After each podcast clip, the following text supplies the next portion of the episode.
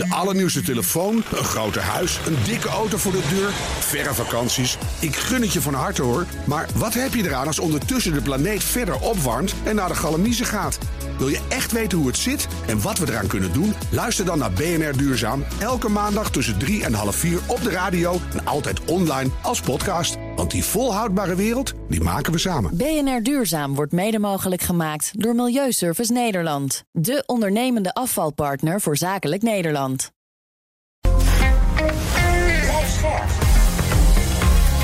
BNR Nieuwsradio. The Big Five.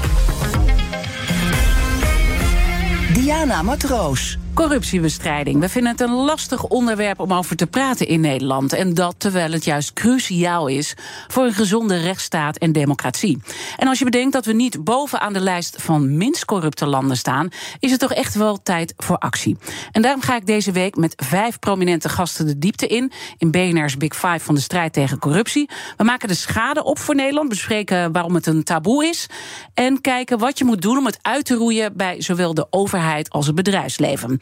Vandaag doe ik dat met niemand minder dan Thomas Bos. Hij is directeur opsporing bij de FIOD.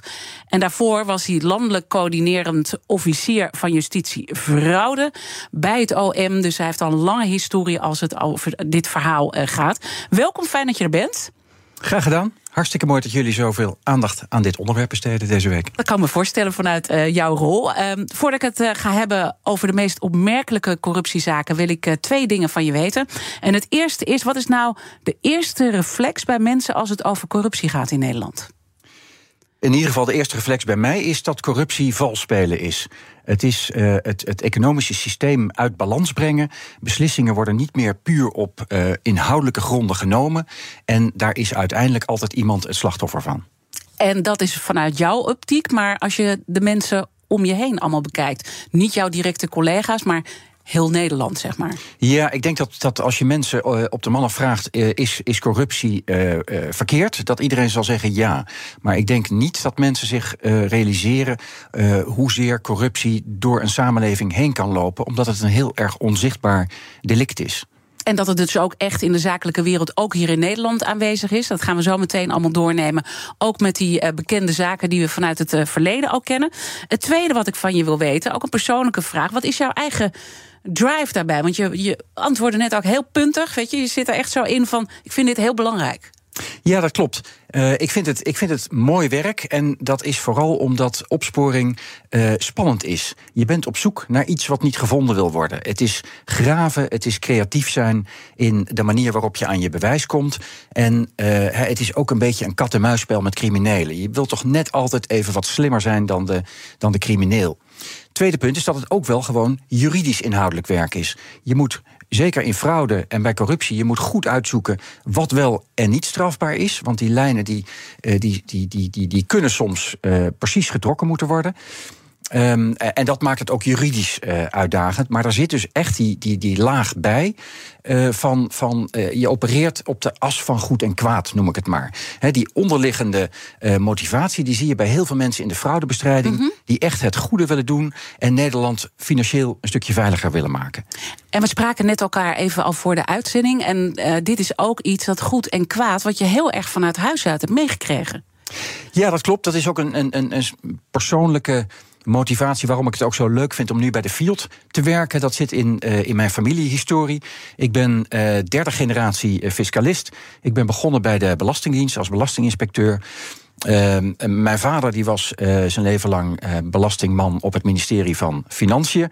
Hij is afgelopen zondag ehm, op hoge leeftijd vredig thuis overleden. En mijn grootvader. Gecondoleerd trouwens. Dank, ja. dank. Ja. Um, het zijn inderdaad gekke tijden. Uh, maar zijn vader, mijn grootvader dus, die was uh, ook fiscalist. Die was belastinginspecteur in Enschede. En hij was naast belastinginspecteur ook verzetsman. En zij hadden met een aantal mensen een methode gevonden om belastinginkomsten op het belastingkantoor. om die onder het oog van de bezetter weg te boeken. zodat met dat geld onderduikers konden worden gefinancierd. En, dat is bijzonder, ja. Ja, en dat is, uh, dat, is, dat is uiteindelijk aan het eind van de oorlog is dat verraden. Uh, ze zijn toen opgepakt en hij is op de, uh, letterlijk zo ongeveer op de laatste dag van de oorlog in Enschede, is hij gefusilleerd door de bezetter. Um, maar hij, en, en dat is dus ook het, ehm, het, het bijzondere. Ik begreep altijd, hoorde ik dan van mijn vader, dat hij ook beoogd was als de eerste directeur van de FIOD na de oorlog. De FIOD zou toen opgericht worden om onder andere onderzoek te doen naar uh, woekerwinsten uit de oorlog. Het was de opsporingsdienst van de Belastingdienst. En ja, woekerwinsten, daar moest natuurlijk ook minimaal over geheven worden. En dat wilde men beter gaan onderzoeken. Maar hij heeft dat dus niet meer, uh, niet meer mogen beleven. Maar ik vind het dus ook wel bijzonder dat ik dus dat nu... jij nu op die plek uh, zit, ja. dat kan ik me voorstellen. En je noemt al ook weer een belangrijk aspect van corruptie. Want we gaan dat ook met jou uh, ontleden natuurlijk ook verder in dit, dit uur. maar dat oorlog ook een, een echte relatie heeft met corruptie. Er worden ook oorlogen gefinancierd middels corruptie, toch? Dat klopt. In het licht van Oekraïne is dat ook best wel uh, interessant om daar ook, uh, overigens het meest corrupte land in onze nabijheid. Ja, dat klopt. Uh, oorlogen worden gefinancierd door middel van corruptie. Maar wat je bijvoorbeeld ook ziet, is dat, als ik de, de, de, de verhalen zo beluister in Rusland, dat zij ook militair hebben te lijden onder corruptie, omdat bijvoorbeeld hun militaire areaal wellicht dankzij eh, corruptie ook, ook niet zo goed erbij staat als ze misschien zelf hadden gedacht. Dus je ziet het aan alle kanten uh, ingrijpen. Um, en natuurlijk, ja, dat is ook wel, wel het bijzondere van een oorlog. Uh, in een oorlog, uh, het recht is krom in een oorlog. En soms zie je dan ook dat dingen die misschien ogenschijnlijk krom lijken, zoals het wegsluizen van belastinginkomsten, dat dat dan ook weer toch rechtvaardig kan zijn. Ja. Dus die, die grenzen tussen uh, tussen goed en kwaad, tussen, uh, tussen recht en rechtvaardig. Dat is het mooie van de fraudebestrijding. Want aan de ene kant moet je gewoon een strafrechtelijk delict kunnen bewijzen, met hard bewijs. Maar je moet ook altijd goed nadenken. Hoe erg is dit nou? Hoe opportun is het om iets te vervolgen? Dat is aan het Openbaar Ministerie om daar de beslissing over mm -hmm. te nemen.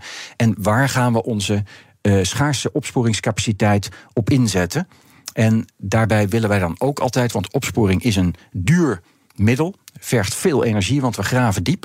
Uh, dus wij moeten ook altijd goed nadenken waar gaan wij onze schaarse capaciteit op inzetten. En wij proberen daarbij zoveel mogelijk effect en impact te genereren met ons werk. Dus wij proberen ook altijd om bij een onderzoek uh, niet alleen maar het onderzoek te doen, maar ook te kijken of dat een bredere uitstraling heeft in een sector. Bijvoorbeeld door uh, awareness te creëren en, en te laten zien van kijk eens, dit gebeurt er als je ja, niet goed kijkt. Dus jullie maken echt afwegingen waar je uiteindelijk uh, op inzet. corruptie is natuurlijk ook een containerbegrip, hè, waar heel veel verschillende zaken onder vallen. Zo is mij al duidelijk geworden deze week. Belangenverstrengeling, bepaalde beïnvloeding, vriendjespolitiek en omkoping. En dat is eigenlijk het deel waar jullie je op richten, omdat dat uh, dat ook uh, strafrechtelijk te vervolgen is. Want je hebt heel veel grensgebieden daaromheen, wat al onder corruptie valt, maar wat jullie niet aanpakken. Nee, wij richten, ons, uh, wij richten ons zowel op buitenlandse als binnenlandse corruptie. Uh, waarbij bij binnenlandse corruptie het onderscheid wordt gemaakt tussen ambtelijke en niet-ambtelijke corruptie. Dus niet-ambtelijk is zeg maar in de publieke sector. Uh, de ambtelijke corruptie wordt door de Rijksrecherche onderzocht. En de niet-ambtelijke corruptie kunnen wij doen. Maar dat kan onder omstandigheden kan de politie ook doen. Ja. Hoe groot is het probleem nou als het gaat om corruptie in Nederland? Ja, je, je, weet niet wat je, wat je niet ziet. Uh, het is uh, een, een, een verborgen vorm van criminaliteit. Uh, en zeker de wat grotere corruptie die wij onderzoeken, die, die, dat is niet meer handje contantje iemand wat toeschuiven. Maar dat, dat loopt via, via bankrekeningen, dat loopt door administraties heen. Dat zit verborgen achter glimmende gevels van. van keurige bedrijven ook, van, toch? Hè, soms ogenschijnlijk keurige bedrijven. En het kan dus zijn dat een bedrijf daar niks van merkt, niks van weet, maar er wel slachtoffer van is. Maar het kan ook zijn dat het toch wat meer in het bedrijf zit. En dat een bedrijf bijvoorbeeld corruptie inzet om bijvoorbeeld in het buitenland uh, grote opdrachten binnen te krijgen. En dan heb je het echt over uh, grand corruption. Dan is het betreffende bedrijf, als je dat kan toerekenen aan dat bedrijf, vaak gaat het dan om een aantal mensen die weten wat er gebeurt. Als je dat kan toerekenen aan het bedrijf, dan is het bedrijf ook echt verdachte van die corruptie. Maar dat is een andere vorm van corruptie dan bijvoorbeeld medewerkers van het bedrijf. Uh, die uh, met elkaar of met mensen van buiten uh, corruptie toepassen om bijvoorbeeld een greep in de kas van hun eigen of een ander bedrijf te doen. Dan kan een bedrijf ook weer slachtoffer zijn. Ja, dat zijn meer de, de kleine spelers dan, maar je beschrijft ook dat, dat eigenlijk dat grote en ook dat, dat zakelijk aspect eh, van echt een bedrijf die in het buitenland dan even om een, om een deal af te, te maken, gewoon even een, eh, een, eh, nou ja, een bedrag ergens wegsluist en dat even aan iemand betaalt. Toch? Precies, en dat, kan. Beetje... hè, en dat is, dat is vaak heel. heel diffuus om dat uit te zoeken. Het kan zijn dat een bedrijf dat, dat zelf doet, dat het mensen in het bedrijf zijn die dat, die dat eh, regelen. Eh, maar wat je natuurlijk ook op, op eh, wereldwijde schaal vaak ziet, is dat bedrijven daar dan weer agenten voor inschakelen. Die in een lokale markt dan klanten voor hen gaan zoeken, maar dan ook mogelijk daar corruptie bij toepassen. The Big Five. Diana Matroos. Mijn gast is Thomas Bos. Hij is directeur opsporing bij de FIOD. Eigenlijk zeg je, en dat hoor ik ook de andere gasten zeggen... we weten eigenlijk helemaal niet hoe groot het probleem is. Nee, dat klopt. Dat zou je ook nooit precies weten. Maar als je kijkt naar schattingen in Europa, eh, dan wordt er wel gezegd dat het eh, zomaar tussen de, de, de 100 en de 1000 miljard kan zijn. En eh, wereldwijd kan het echt in de biljoenen lopen. Maar dat zijn natuurlijk altijd berekeningen gebaseerd op aannames. Je zult het nooit precies weten, maar dat het een, een, een groot, eh, grote omvang heeft, eh, dat is wel duidelijk als je ook kijkt naar bijvoorbeeld wat grotere zaken die we gedaan hebben en wat er dan bijvoorbeeld alleen al in die zaken aan belangen mee gemoeid zijn. En als we dan even wat opmerkelijke zaken aanhalen, want dan gaat het ook wat meer eh, leven. Wat is nou een zaak waarvan jij zegt, ja, dit, dit geeft heel goed aan waar we het over hebben? Ja, de, ehm, ik ben ehm, in de tijd dat ik bij het OM werkte, eh, was ik een van de drie officieren in de vastgoedfraudezaak Klimop. Ehm, het FD eh, heeft daar ook uitgebreid over bericht. En dat was een voorbeeld van een zaak waarbij eh, betrokkenen binnen het bedrijf, of binnen een paar bedrijven, die deden elkaar beloften voor betalingen in de toekomst. Als dan die betreffende persoon meehielp om geld bij dat bedrijf weg te sluizen. En dat deden ze dan door in de begrotingen van bouwprojecten eh, luchtbellen te creëren, ruimte te creëren, eh, om daar later dan met valse facturen dat geld weg te sluizen. En dat ging dan een soort pijplijn in, soms over verschillende eh, schakels. En dan werd aan het eind van de rit werd dat geld ook weer uitbetaald aan de mensen die daaraan hadden meegewerkt. Dan zie je dus dat dat eigenlijk een vorm van corruptie is, waarbij het bedrijf wordt uh, leeggetrokken. Um, dat, dat was die fraude. Dat, dat heeft ook, denk ik, heel veel uh, andere bedrijven de ogen geopend. Dat dat dus ook echt wel. Was echt een kantelpunt ook hoe we naar corruptie zijn gaan kijken toen. Ja, ja, ja, dat was een gigantisch grote zaak. De, de, de Field heeft gekraakt in zijn voegen om dat onderzoek goed te kunnen uh, verrichten. Maar dat is ook uiteindelijk gelukt. Ja. We hadden op de, uh, op de dag van de, van de grote actie. Uh, waren er 600 mensen van de Field uh, op straat om op uh, ruim 50 adressen doorzoekingen te doen en stukken te vorderen. dus dat en was een gigantische? Actie. Want, want jullie zijn dan heel lang bezig om dat allemaal voor te bereiden en dan bam, je hebt het, je hebt het, je hebt het gewoon. Dat, dat, dat daar gebeuren een aantal dingen in zo'n proces en dan gaan je al die mensen die gaan die huiszoekingen doen.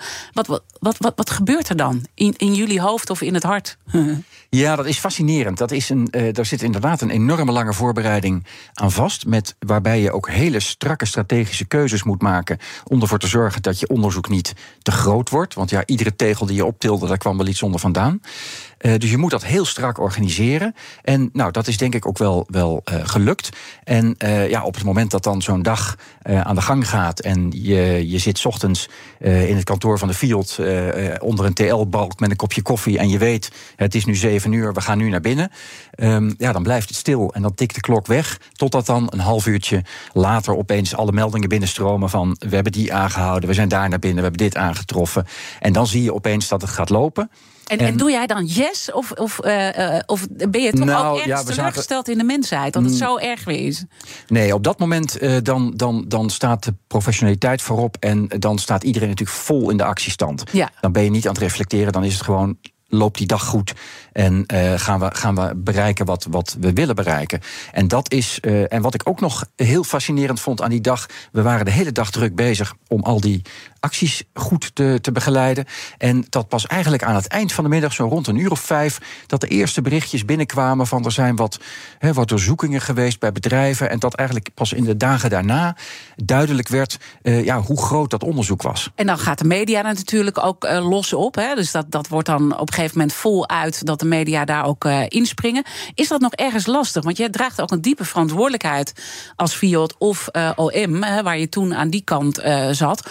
Om het allemaal ja, ook goed op orde te hebben. Want er staat nog wel wat op het spel, ook voor bepaalde bedrijven. Uh, dat klopt. Dus je, je, je wilt. Uh, ik, ik was in die tijd zowel uh, een van de drie zaaksofficieren als de persofficier voor die zaak. Um, ik heb toen ook nog veel contact gehad met um, Vasco van der Boom en Gerben van der Marel ja. van het FD. Die daar Mooi dat je ze even noemt, want die hebben ja, echt die hebben zich daar, helemaal daarop vastgebeten. die hebben daar heel veel tijd en energie in gestoken en daar, daar, daar ja, toch accuraat over bericht.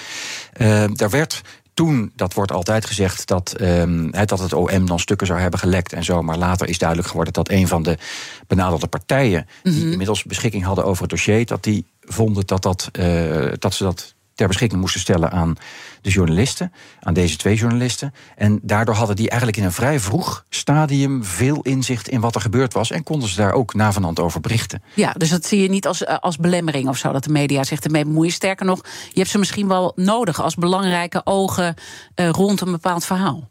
Ja, dat is. Uh, je, je, je, onderzoek zelf richt zich op de verdachte. En, en je, daar wil je een bepaalde reactie uh, op doen uh, namens de samenleving. Mm -hmm. maar je wil ook dat het breder uitstraalt. He, dat, is, dat is de impact die je wil hebben.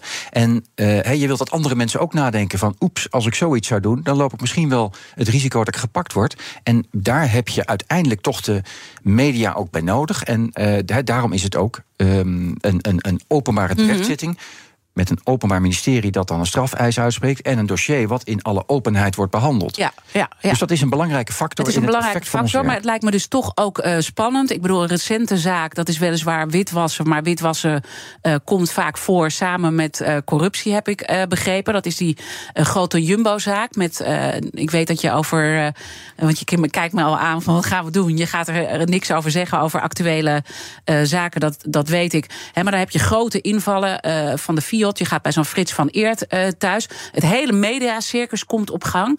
Dan moet je wel heel zeker weten dat je het echt juist hebt. Want uh, zo iemand wordt natuurlijk wel op een bepaalde manier ook weggezet in de media. Nou, inderdaad, in, over concrete lopende onderzoeken, uh, dat past mij niet om daar nu wat over te zeggen. Keurig dat je nog even maar, die zin uh, eruit uh, gooit. Maar wat ik, wat, ik, wat ik wel wil zeggen is dat um, ja. niemand is te groot om onderzocht te worden. Niemand staat boven de wet. En wij voelen ons ook op geen enkele manier teruggehouden om, om ook mensen van naam en faam te onderzoeken. Maar wij realiseren ons ook altijd wel dat op het moment dat je zo'n onderzoek doet en dat je naar buiten treedt, als zo'n onderzoek klapt, het dat dan ook ja, de publiciteit uh, grote gevolgen voor mensen kan hebben. Dus je probeert daar ook wel zo zorgvuldig mogelijk ja. mee om te gaan. En we weten natuurlijk uit het verleden ook weer belangrijk om te zeggen: toen was jij niet de baas uh, van de FIOD-directeur opsporing, maar dat bij de uh, NS jaar geleden, 2017, ook een uitspraak van de rechter is geweest dat, nou ja, het OM, trouwens, daar zat je toen wel bij het OM natuurlijk, een, een flinke miskleun heeft begaan in een corruptiezaak daar. dus jullie maken ook wel eens fouten in dat opzicht. Ja, wij, grote fouten. Wij zijn als, uh, wij zijn als FIOD uh, primair de, de, de feitenverzamelaars. Wij zoeken uit wat er gebeurd is. Mm -hmm. uh, dat doen we zo goed mogelijk en, en zo, zo breed en diep mogelijk. vervolgens is het aan het Openbaar Ministerie om te beoordelen of daarmee dan ook strafbare feiten zijn gepleegd. En of het nodig is om iemand daarvoor ehm, voor de rechter te, te brengen. En dat doet het Openbaar Ministerie eigenlijk alleen als ze uh, ervan overtuigd zijn dat ze een vervolgbare zaak hebben. Maar dat betekent niet automatisch dat de rechter ook zal veroordelen. Want dat is de zelfstandige uh, nou, hier kreeg, beoordeling kreeg van de rechter. OM echt, we moeten niet te diep in die zaak gaan, maar hier kreeg het OM echt een flinke veeg uit de pan. Het was echt heel slecht wat er was gebeurd. Soms zie je dat, dat de, de, de, de beelden op zo'n zaak uiteenlopen en dat dan, uh, ja, dat is natuurlijk nooit waar het, waar het voor begonnen is. Mm -hmm. uh, maar dat is wel inherent aan opsporen ja. en zaken voor de rechter brengen. Het is check en Maar kijken jullie dan ook naar, naar jullie zelf? Want volgens mij zat je wel in die tijd dat dit speelde bij het OM, dan, dan, dan, dan baal je natuurlijk, lijkt mij, dat je, dat, dat je ook een beetje schaamt over wat er is gebeurd. Nou, wat je, wat je natuurlijk in eerste instantie uh, doet, is kijken waar komt. Uh, wat, wat, uh, wat is de redenering van de rechtbank geweest? Waarom zijn zij tot deze conclusie gekomen? En dan kijken wij natuurlijk heel diep, zowel de opsporing en ik weet ook bij het Openbaar Ministerie, dan kijken we natuurlijk ook heel diep in de spiegel. Is dat nou iets wat we eh, hadden kunnen zien aankomen, dan Mhm. moeten wij daar gewoon van leren. Eh, of is het een, ja, een andere waardering van het feitenmateriaal en een andere waardering En van. was dat zo in die NS-zaak? Eh, nou, die details die heb ik niet meer scherp voor Oké, geest. Dus dat is eh, nou, nee, dan, dan kom je, gevaarlijk dan voor mij om daar nu op te reflecteren. dan zal ik je daar eh, eh, eh, laten op dat punt. Was, was het moeilijk om eh, een zaak vanuit de Fiat aan te spannen richting EY, waar je zelf partner bent geweest? Dat is ook een recente zaak. Ehm, Want eh, ja. accountants hebben ook een rol in dit hele verhaal natuurlijk, als het over corruptie gaat. Eh, ja, klopt. Eh, accountants zijn poortwachters. En dat, is, dat is gebeurd in een, ehm, eh, in een zaak. waarbij de accountant betrokken was bij een grotere corruptiezaak. Telecombedrijf, hè? ja. En daar, hè, en daar is een, hè, daar is een, een, een, een eh, vervolgingsbeslissing in genomen door, door andere officieren. Want als je ergens historisch bij betrokken bent geweest, dan, dan hou je daar afstand van. Eh, dat is een, een, een, een heel goed principe. Maar je, er wordt gewoon objectief geoordeeld. Denken we dat hier een, een strafbaar feit is gepleegd? Mhm. En, en denken we dat het bewijsbaar is voor een rechter? En eh, dat is de vervolgingsbeslissing die het Openbaar Ministerie En die neemt. ga je dan heel zakelijk eh, eh, uitvoeren? Want dat moet je dan gewoon. Maar het lijkt me Ehm, gewoon als mens best lastig. Je bent daar partner geweest en dan moet je opeens dat bedrijf eigenlijk ja, gaan onderzoeken ook. Wat, wat de rol is geweest. Ja, maar je kijkt heel erg naar de feiten. Ja. Eh, en, inderdaad, je houdt, je houdt afstand. Je houdt afstand op zo'n moment. Ja. Eh, dus je, je laat dan de, de beslissing om dat wel of niet te doen. Die wordt ook door andere officieren op zo'n moment eh, genomen. En, en dat is ook goed. En daar is iedereen ook heel beducht op. Want ja, iedereen heeft. Eh, eh, eh, misschien vroeger op school gezeten met een, met een verdachte. Of, en op het moment dat je dat ziet, dan haal je ook afstand. En dat is ook de, de afspraak. Dan bemoei je je niet met, de met de beslissingen. Maandag dan is Amerika-correspondent Jan Posma te gast bij mijn collega Art Royakkers. Dat is een nieuwe Big Five over de Verenigde Staten. Allerbeste is je om je gewoon te abonneren op onze podcast via je favoriete podcastkanaal. Dan weet je zeker dat je niks mist. Maar blijf vooral live. Zometeen praat ik verder met Thomas Bos, directeur opsporing bij de Fiat, over het belang van klokkenluiders en op welke zaken ze zich in de toekomst ook meer gaan richten. Tipje van de sluier, de medische wereld. Blijf luisteren. De mensen van Aquacel houden van zacht. En dat merk je aan alles. Dankzij hen hebben we nu echt zacht water en een kalkvrij huis. Voor hun klanten zijn ze zacht. Dat zijn ze trouwens ook voor elkaar. Voor ons zijn zij de kracht van zacht. Aquacel. 100% zacht water, 100% kalkvrij. Wist je dat 35% van het totale verzuim op het werk komt door uitdagingen rondom mentaal welzijn? Met de psychologen en lifestyle-experts van OpenUp werken jouw werknemers online via één op één sessies, groepsgesprekken of cursussen aan hun weerbaarheid. Zo zijn jouw teams beter bestand tegen de uitdagingen van het dagelijks leven, thuis en op het werk. Verhoog net als Decathlon, KPN en HelloFresh de weerbaarheid van je werknemers. Ga naar openup.nl/slash bedrijven. Let's open up! BNR Nieuwsradio. The Big Five. Diana Matroos. Welkom bij tweede half uur. Eerder deze week sprak ik met uh, Nanette van Schelven, directeur-generaal bij de douane, over het handhaven van corruptie binnen haar organisatie. Dat gesprek is terug te luisteren via de BNR-app. Mijn gast vandaag is Thomas Bos, directeur opsporing bij de Fiat. En het komend half uur wil ik in ieder geval nog twee onderwerpen met je bespreken. Namelijk het belang van klokkenluiders en eigenlijk van ons allemaal. We zijn allemaal ogen en oren ook op de werkvloer. En uh, de samenwerking met andere partijen in de strijd tegen corruptie. Laten we met dat laatste beginnen. Uh, wat, wat, zijn de belangrijke onderdelen van jullie eigen Fiat en met wie werken jullie in dat verband ook samen? Ja, wij werken veel samen natuurlijk met, uh, met toezichthouders die ook onze ogen en oren zijn. Uh, die beschikken over veel informatie. En dat kan voor ons een start van een onderzoek betekenen als zij een potentieel fraudesignaal aan ons voorleggen. Uh, wij werken natuurlijk ook samen met uh, collega opsporingsdiensten. Dat is natuurlijk aan de ene kant de politie, maar ook de, de bijzondere opsporingsdiensten zoals uh, de, de, arbeids, de Nederlandse arbeidsautoriteit, de inspectie leefomgeving en transport. He, die, die kunnen ons ook zaken aanleveren als ze signalen krijgen. Mm -hmm. Uh, dus dat is een, een, deel. Wij werken, ook, um, wij werken natuurlijk ook graag met de informatie die door journalisten wordt opgediept.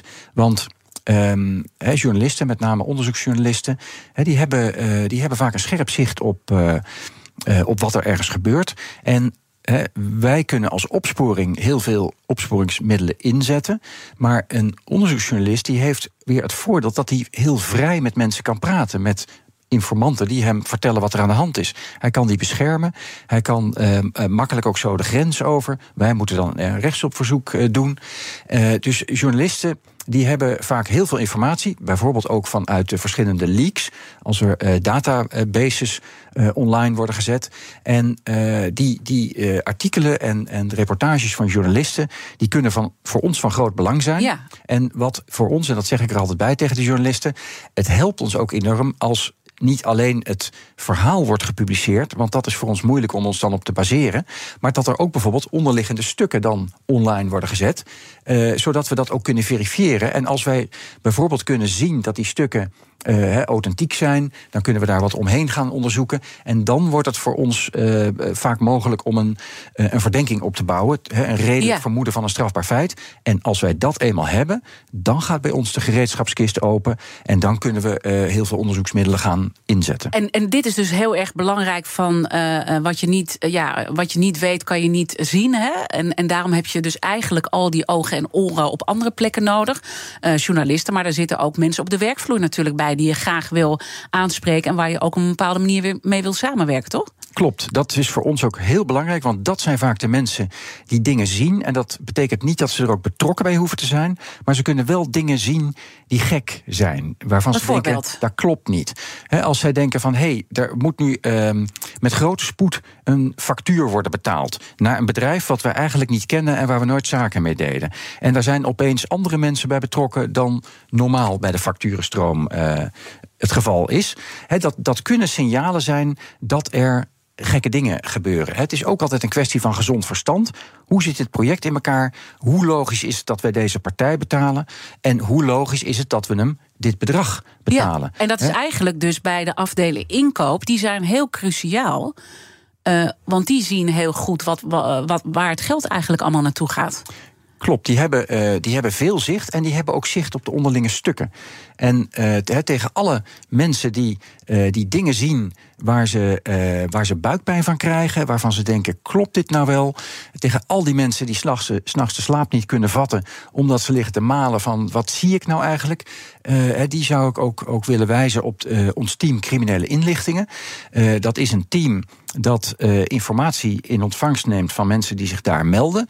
En belangrijk is om te weten dat um, dat team criminele inlichtingen de, de, identiteit van hun melders, hun informanten, altijd geheim. Dus dat komt niet in een dossier of zo te staan? Nee, dat komt niet in het strafdossier te staan. Alleen de inhoud van hun melding wordt dan zo, uh, he, zo losgezongen mogelijk van de melder. Want aan de inhoud van de melding moet ook niet de melder herkend kunnen worden. Um, en als zij dus de, de melder, als zij kunnen, kunnen garanderen dat die melder ook echt anoniem is te, te, te blijven, uh, dan nemen zij die informatie in ontvangst. En dan kan dat voor ons de start van een onderzoek uh, betekenen. Mm -hmm. En ik zou dus aan al die mensen die daar uh, mee, mee worstelen willen zeggen: het telefoonnummer van Kijk, de TCI. Komt even reclame, ja. Even reclame maken. Ja. Het telefoonnummer van het team Criminele Inlichtingen, TCI, is 088 155 166 1. Ik herhaal 088 155 166 1.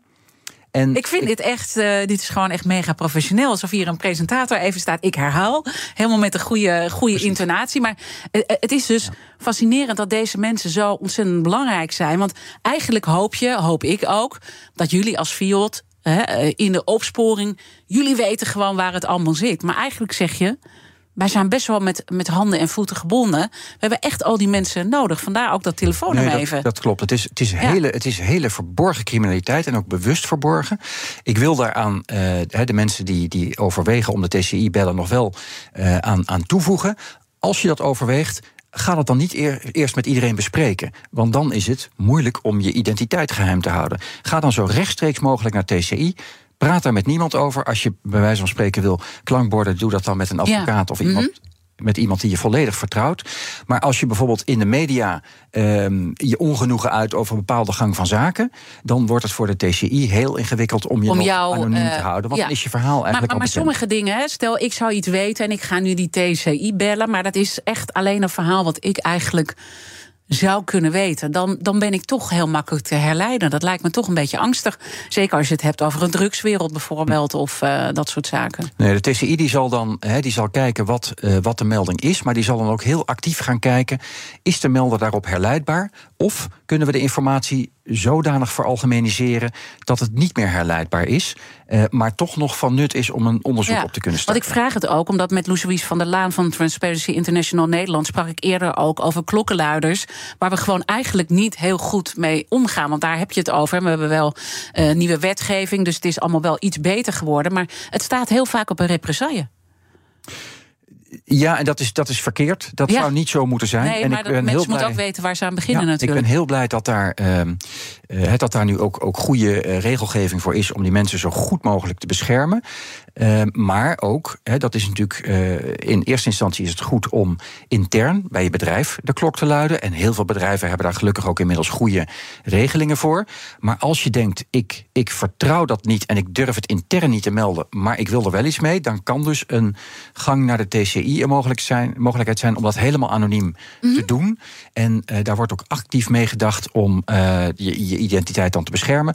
En ik wil er ook bij zeggen, uh, de, de, de TCI van de politie die is gewend om met drugsjongens te praten, maar onze mensen zijn uitstekend in staat om in, met mannen in pak te communiceren. En okay. vrouwen uiteraard. Goed, ja, een goede aanvulling. Um, ik zie dat jullie ook nog samenwerken met de Financial Intelligence Unit.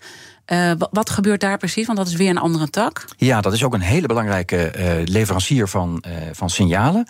Um, dat gaat over de poortwachters. Poortwachters moeten ongebruikelijke transacties, waar ze zelf vraagtekens bij hebben, melden aan de FIU. De FIU kijkt of zo'n ongebruikelijke transactie verdacht kan worden verklaard. En als dat zo is, dan krijgen wij als opsporing de verdachte transacties doorge, uh, doorgeseind. Wij, weten, wij kunnen niet in de blackbox van de FIU kijken, maar wat eruit komt zijn voor ons goede signalen en daar, uh, daar, daar, daar kijken we ook goed ja. naar. En dat is ook, he, daar is ook wel uh, wat discussie over hoeveel energie poortwachters daarin moeten steken. Um, he, daar, daar werken we met z'n allen aan om Omdat... daar zo efficiënt mogelijk mee mm. om te gaan. Dat is ook soms nog een beetje, beetje zoeken. Maar dat wij in Nederland een systeem hebben waarbij we aan de ene kant uh, vertrouwelijkheid en geheimhouding hebben geregeld ten aanzien van bankrekeningen en administraties dat wij vervolgens de keuze hebben gemaakt, politiek, om te zeggen: wij hebben private poortwachters die daar uh, een oogje op moeten houden. En die moeten dat melden als ze.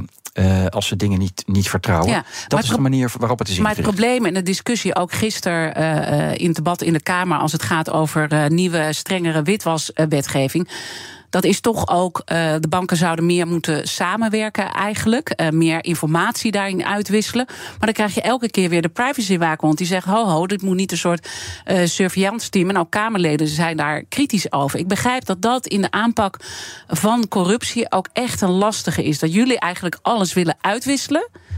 Uh, maar dat aan alle kanten eraan getrokken wordt dat dat juist niet gebeurt. Ja, je, de, de, de keuze is gemaakt om het zicht op het girale geldverkeer... om dat bij de uh, gezamenlijke banken neer te leggen. Dat doen ze nu ieder voor zich. En het is denk ik voor de banken heel erg van belang... dat niet iedere bank zijn eigen puzzelstukje kan zien... maar dat ze gezamenlijk het hele puzzeltje kunnen leggen... en dan veel beter kunnen zien of er iets aan de hand is of niet... en of ze wel of niet moeten melden. Dus voor ons als opsporing zou het een goede ontwikkeling zijn. Wist je dat 35% van het totale verzuim op het werk komt door uitdagingen rondom mentaal welzijn?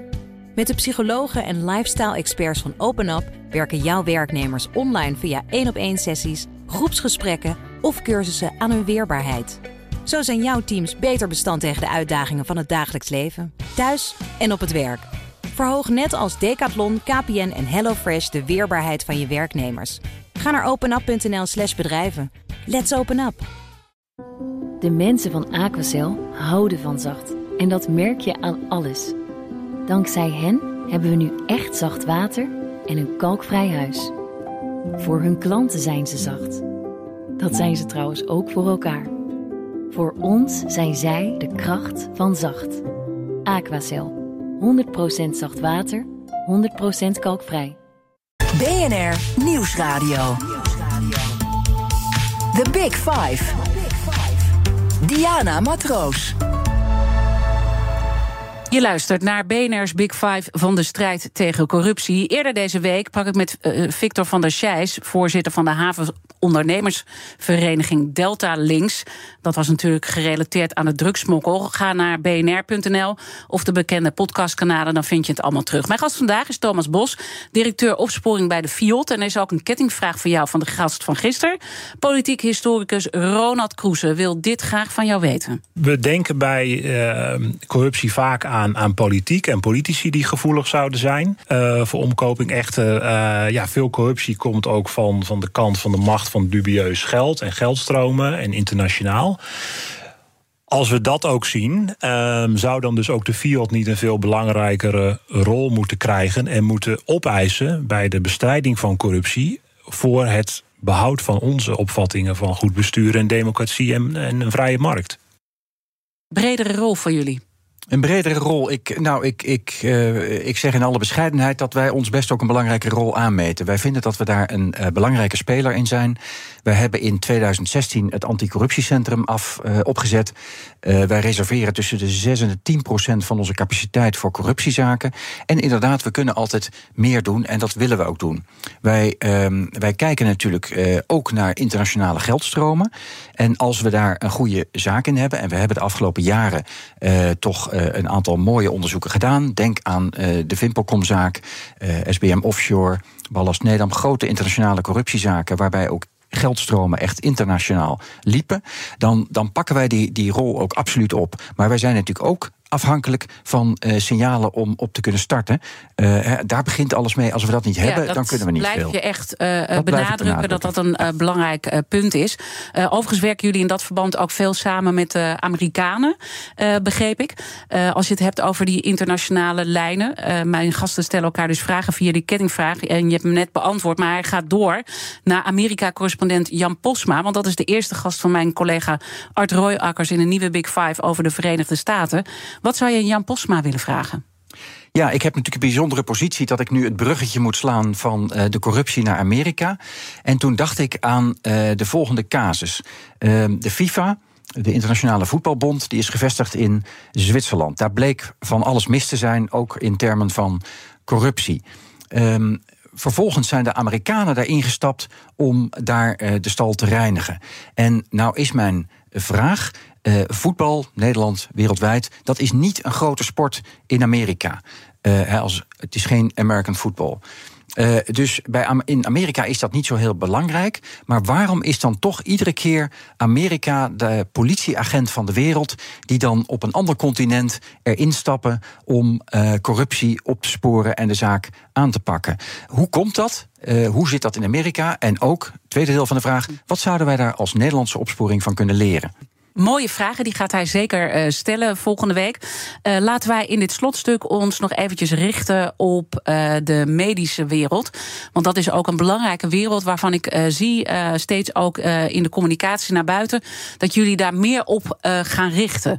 waarom die focus op de medische wereld? We hebben op dit moment een aantal onderzoeken lopen in de medische wereld. Het is een sector waarin grote geldstromen omgaan. Zorg is hartstikke belangrijk kost ook veel geld. Maar daardoor zijn er ook veel partijen en uh, veel geld in omloop. En we merken dus ook nu aan de hand van een aantal zaken zien we wat er gebeurd is. Dat zijn we in ieder geval aan het onderzoeken. En dan uh, merken we dat daar partijen zijn die, dat is dan de verdenking, uh, die, die, die, die geld ontvangen van andere partijen. Waardoor, hè, dat is dan uh, bijvoorbeeld een verdenking van corruptie, waardoor wij dan denken dat bijvoorbeeld bij de, uh, de toepassing van medische hulpmiddelen er geen goede inhoudelijke medische keuzes meer worden gemaakt, maar dat iemand zijn oor laat hangen naar degene die hem geld toestopt.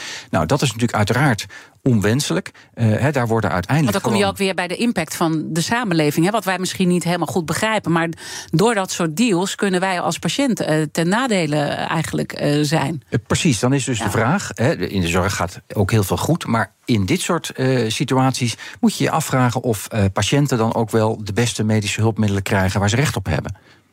Uh, een mondkapjesdeal is natuurlijk ook een zaak die jullie onderzoeken. Daar ga je natuurlijk ook niks uh, over zeggen. Maar dat is natuurlijk ook wel iets wat uh, mij ook heel erg fascineert. En wat Transparency International ook aankaart. Dat we heel schimmig zijn geweest in de pandemietijd. Hoe bepaalde constructies en financiële deals tot stand zijn gekomen. Dus dat is ook iets waar jullie op gaan richten. Uiteindelijk ben ik ook gewoon heel erg benieuwd. Je hebt gezegd, jullie zitten met, met zo'n heel team van opsporing daarop. Op een gegeven moment komen er invallen.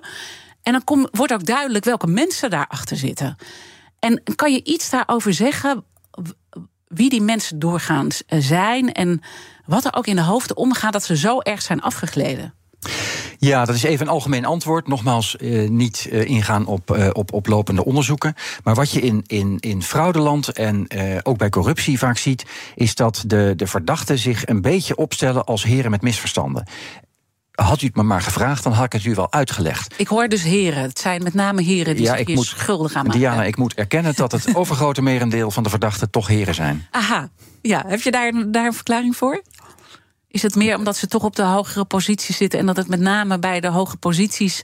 Ik zag eerder een, een OESO-onderzoek uh, waarin ook uh, aangegeven is, die ons ook op de vingers hebben getikt trouwens in 2014 als land, uh, dat we het niet zo goed deden. Dat vaak de CFO en de CEO hier gewoon bij betrokken zijn. Ja, waar, waar, het verschil in zit, dan zou ik moeten psychologiseren. Daar begin ik maar niet aan, daar zijn anderen veel beter in. Maar feit is wel dat het overgrote deel mannen is. Misschien omdat ze op de, de, de posities zitten waar het kan. Um, maar goed, een verdachte is een verdachte, of het nou een man of een vrouw is. Maar toch even, hè, je, je, je gaat dan met ze in gesprek. En, en wat voor dingen komen er dan los ook bij die mensen? Ja, je ziet eigenlijk twee, uh, vaak twee soorten verdachten. Je hebt uh, verdachten die uh, ja, langzaam ergens in zijn gestapt. Begon met een kleine vraag. Uh, kan je me even helpen door even die factuur te betalen en dat geld dan door te sluizen?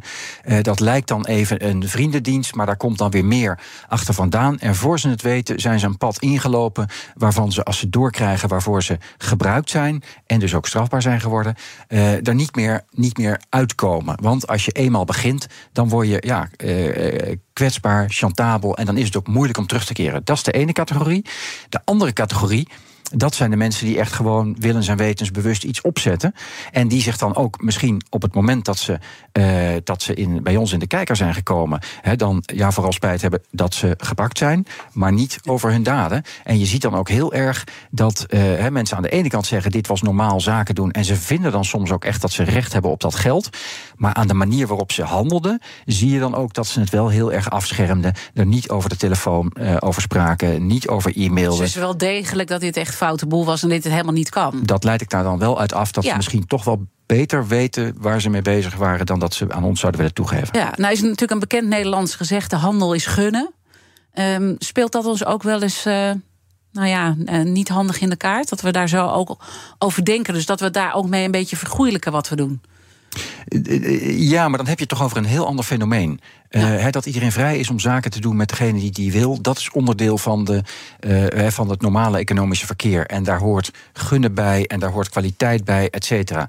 Maar dat zijn afwegingen die autonoom gemaakt kunnen worden. En op het moment dat uh, de ene partij iemand bij de andere partij geld gaat toestoppen, dan wordt diens vermogen om onafhankelijke beslissingen te nemen, dat wordt beïnvloed. En dan zie je de betonrot in het systeem ontstaan. Dan wordt het vals spelen. En dan wordt er dus geen uh, autonome keuze meer uh, gemaakt. En dan is het dus ook niet meer een kwestie van gunnen. En ook als er een uh, bepaalde buitenlandse partner tussen zit, weet je, je bent gewoon dan ook indirect betrokken. En dat is net zo goed strafbaar, lijkt me, als het over omkoping gaat. Ja, dat, he, dan, dan uh, moet je dus ook kijken van wat wist iemand, uh, wat had iemand moeten vermoeden, heeft iemand concrete informatie uh, voorbij zien komen, had iemand signalen en heeft hij die wel of niet goed onderzocht. Ehm, nou, dat is dan ook precies wat wij, wat ja. wij uitspitten met onze rechercheurs. He, wat wist iemand en hoe heeft iemand gehandeld? En dat is ook goed om te weten ten aanzien van bedrijven. Um, he, je, je, je kijkt dan eerst of je een delict aan het bedrijf als geheel kan toerekenen. En als dan de, de hogere leidinggevende, eh, als je die strafrechtelijk wil onderzoeken, dan moet je dus kijken: wist iemand ervan? Had iemand signalen? En als dat het geval was, was iemand bevoegd en gehouden om in te grijpen? En heeft hij dat gedaan of heeft hij dat nagelaten? Dat is de crux van uh, Ja. feitelijk leiding geven aan corruptiezaken. En, en- dan is het denk ik ook nog tot slot heel goed om te beseffen dat die hoge boetes en gevangenisstraffen opstaan. Want eh, zo iemand die vindt eigenlijk dan dat hij dat geld had verdiend, maar dan vervolgens komt de realiteit bij je binnen dat je gewoon heel lang de cel ingaat. Eh, ik denk dat mensen zich dat vaak op het te laat moment realiseren als het, eh, als het kalf al verdronken is. En, eh, maar dat is wel de realiteit. En, en ik denk dat dat ook de afgelopen eh 10, 15 jaar, dat eh, de Field samen met Functioneel Parket, het gespecialiseerde parket voor fraude van het Openbaar Ministerie, dat we toch ook hebben laten zien dat we steeds beter in staat zijn om te zien wat er gebeurt. En om ook inderdaad eh, bedrijven en verantwoordelijken uiteindelijk voor de rechter te brengen. En heb je medelijden überhaupt met ze? Heb je medelijden überhaupt met ze? Nou, dat vond ik wel mooi. eh, Zoals Nanette van Schelven dat ook aan het begin van de week verwoordde. eh, scherp zijn op de daad. eh, dat moeten we bikkelhard onderzoeken. En ook be- en als het nodig is, veroordelen. Maar op de persoon ja, moet je toch ook kijken. Hoe komt iemand tot die daden? En dan kijk je ook, en dat gebeurt iedere dag in het strafrecht. Wat zijn strafverzwarende omstandigheden. Maar ook wat zijn strafverlichtende omstandigheden. Dank Thomas Bos eh, dat je onze gast wilde zijn, directeur opsporing bij de Fiat. Luister alles zeker terug in onze podcast, ook alle andere themaweken. Maar blijf nu live. Kees Dorrestein met BNR Breekt. Ik wens je een mooie dag en een prachtig weekend. De allernieuwste telefoon, een groter huis, een dikke auto voor de deur, verre vakanties. Ik gun het je van harte hoor. Maar wat heb je eraan als ondertussen de planeet verder opwarmt en naar de galamiezen gaat? Wil je echt weten hoe het zit en wat we eraan kunnen doen? Luister dan naar BNR Duurzaam. Elke maandag tussen 3 en half 4 op de radio en altijd online als podcast. Want die volhoudbare wereld, die maken we samen. BNR Duurzaam wordt mede mogelijk gemaakt door Milieuservice Nederland. De ondernemende afvalpartner voor zakelijk Nederland.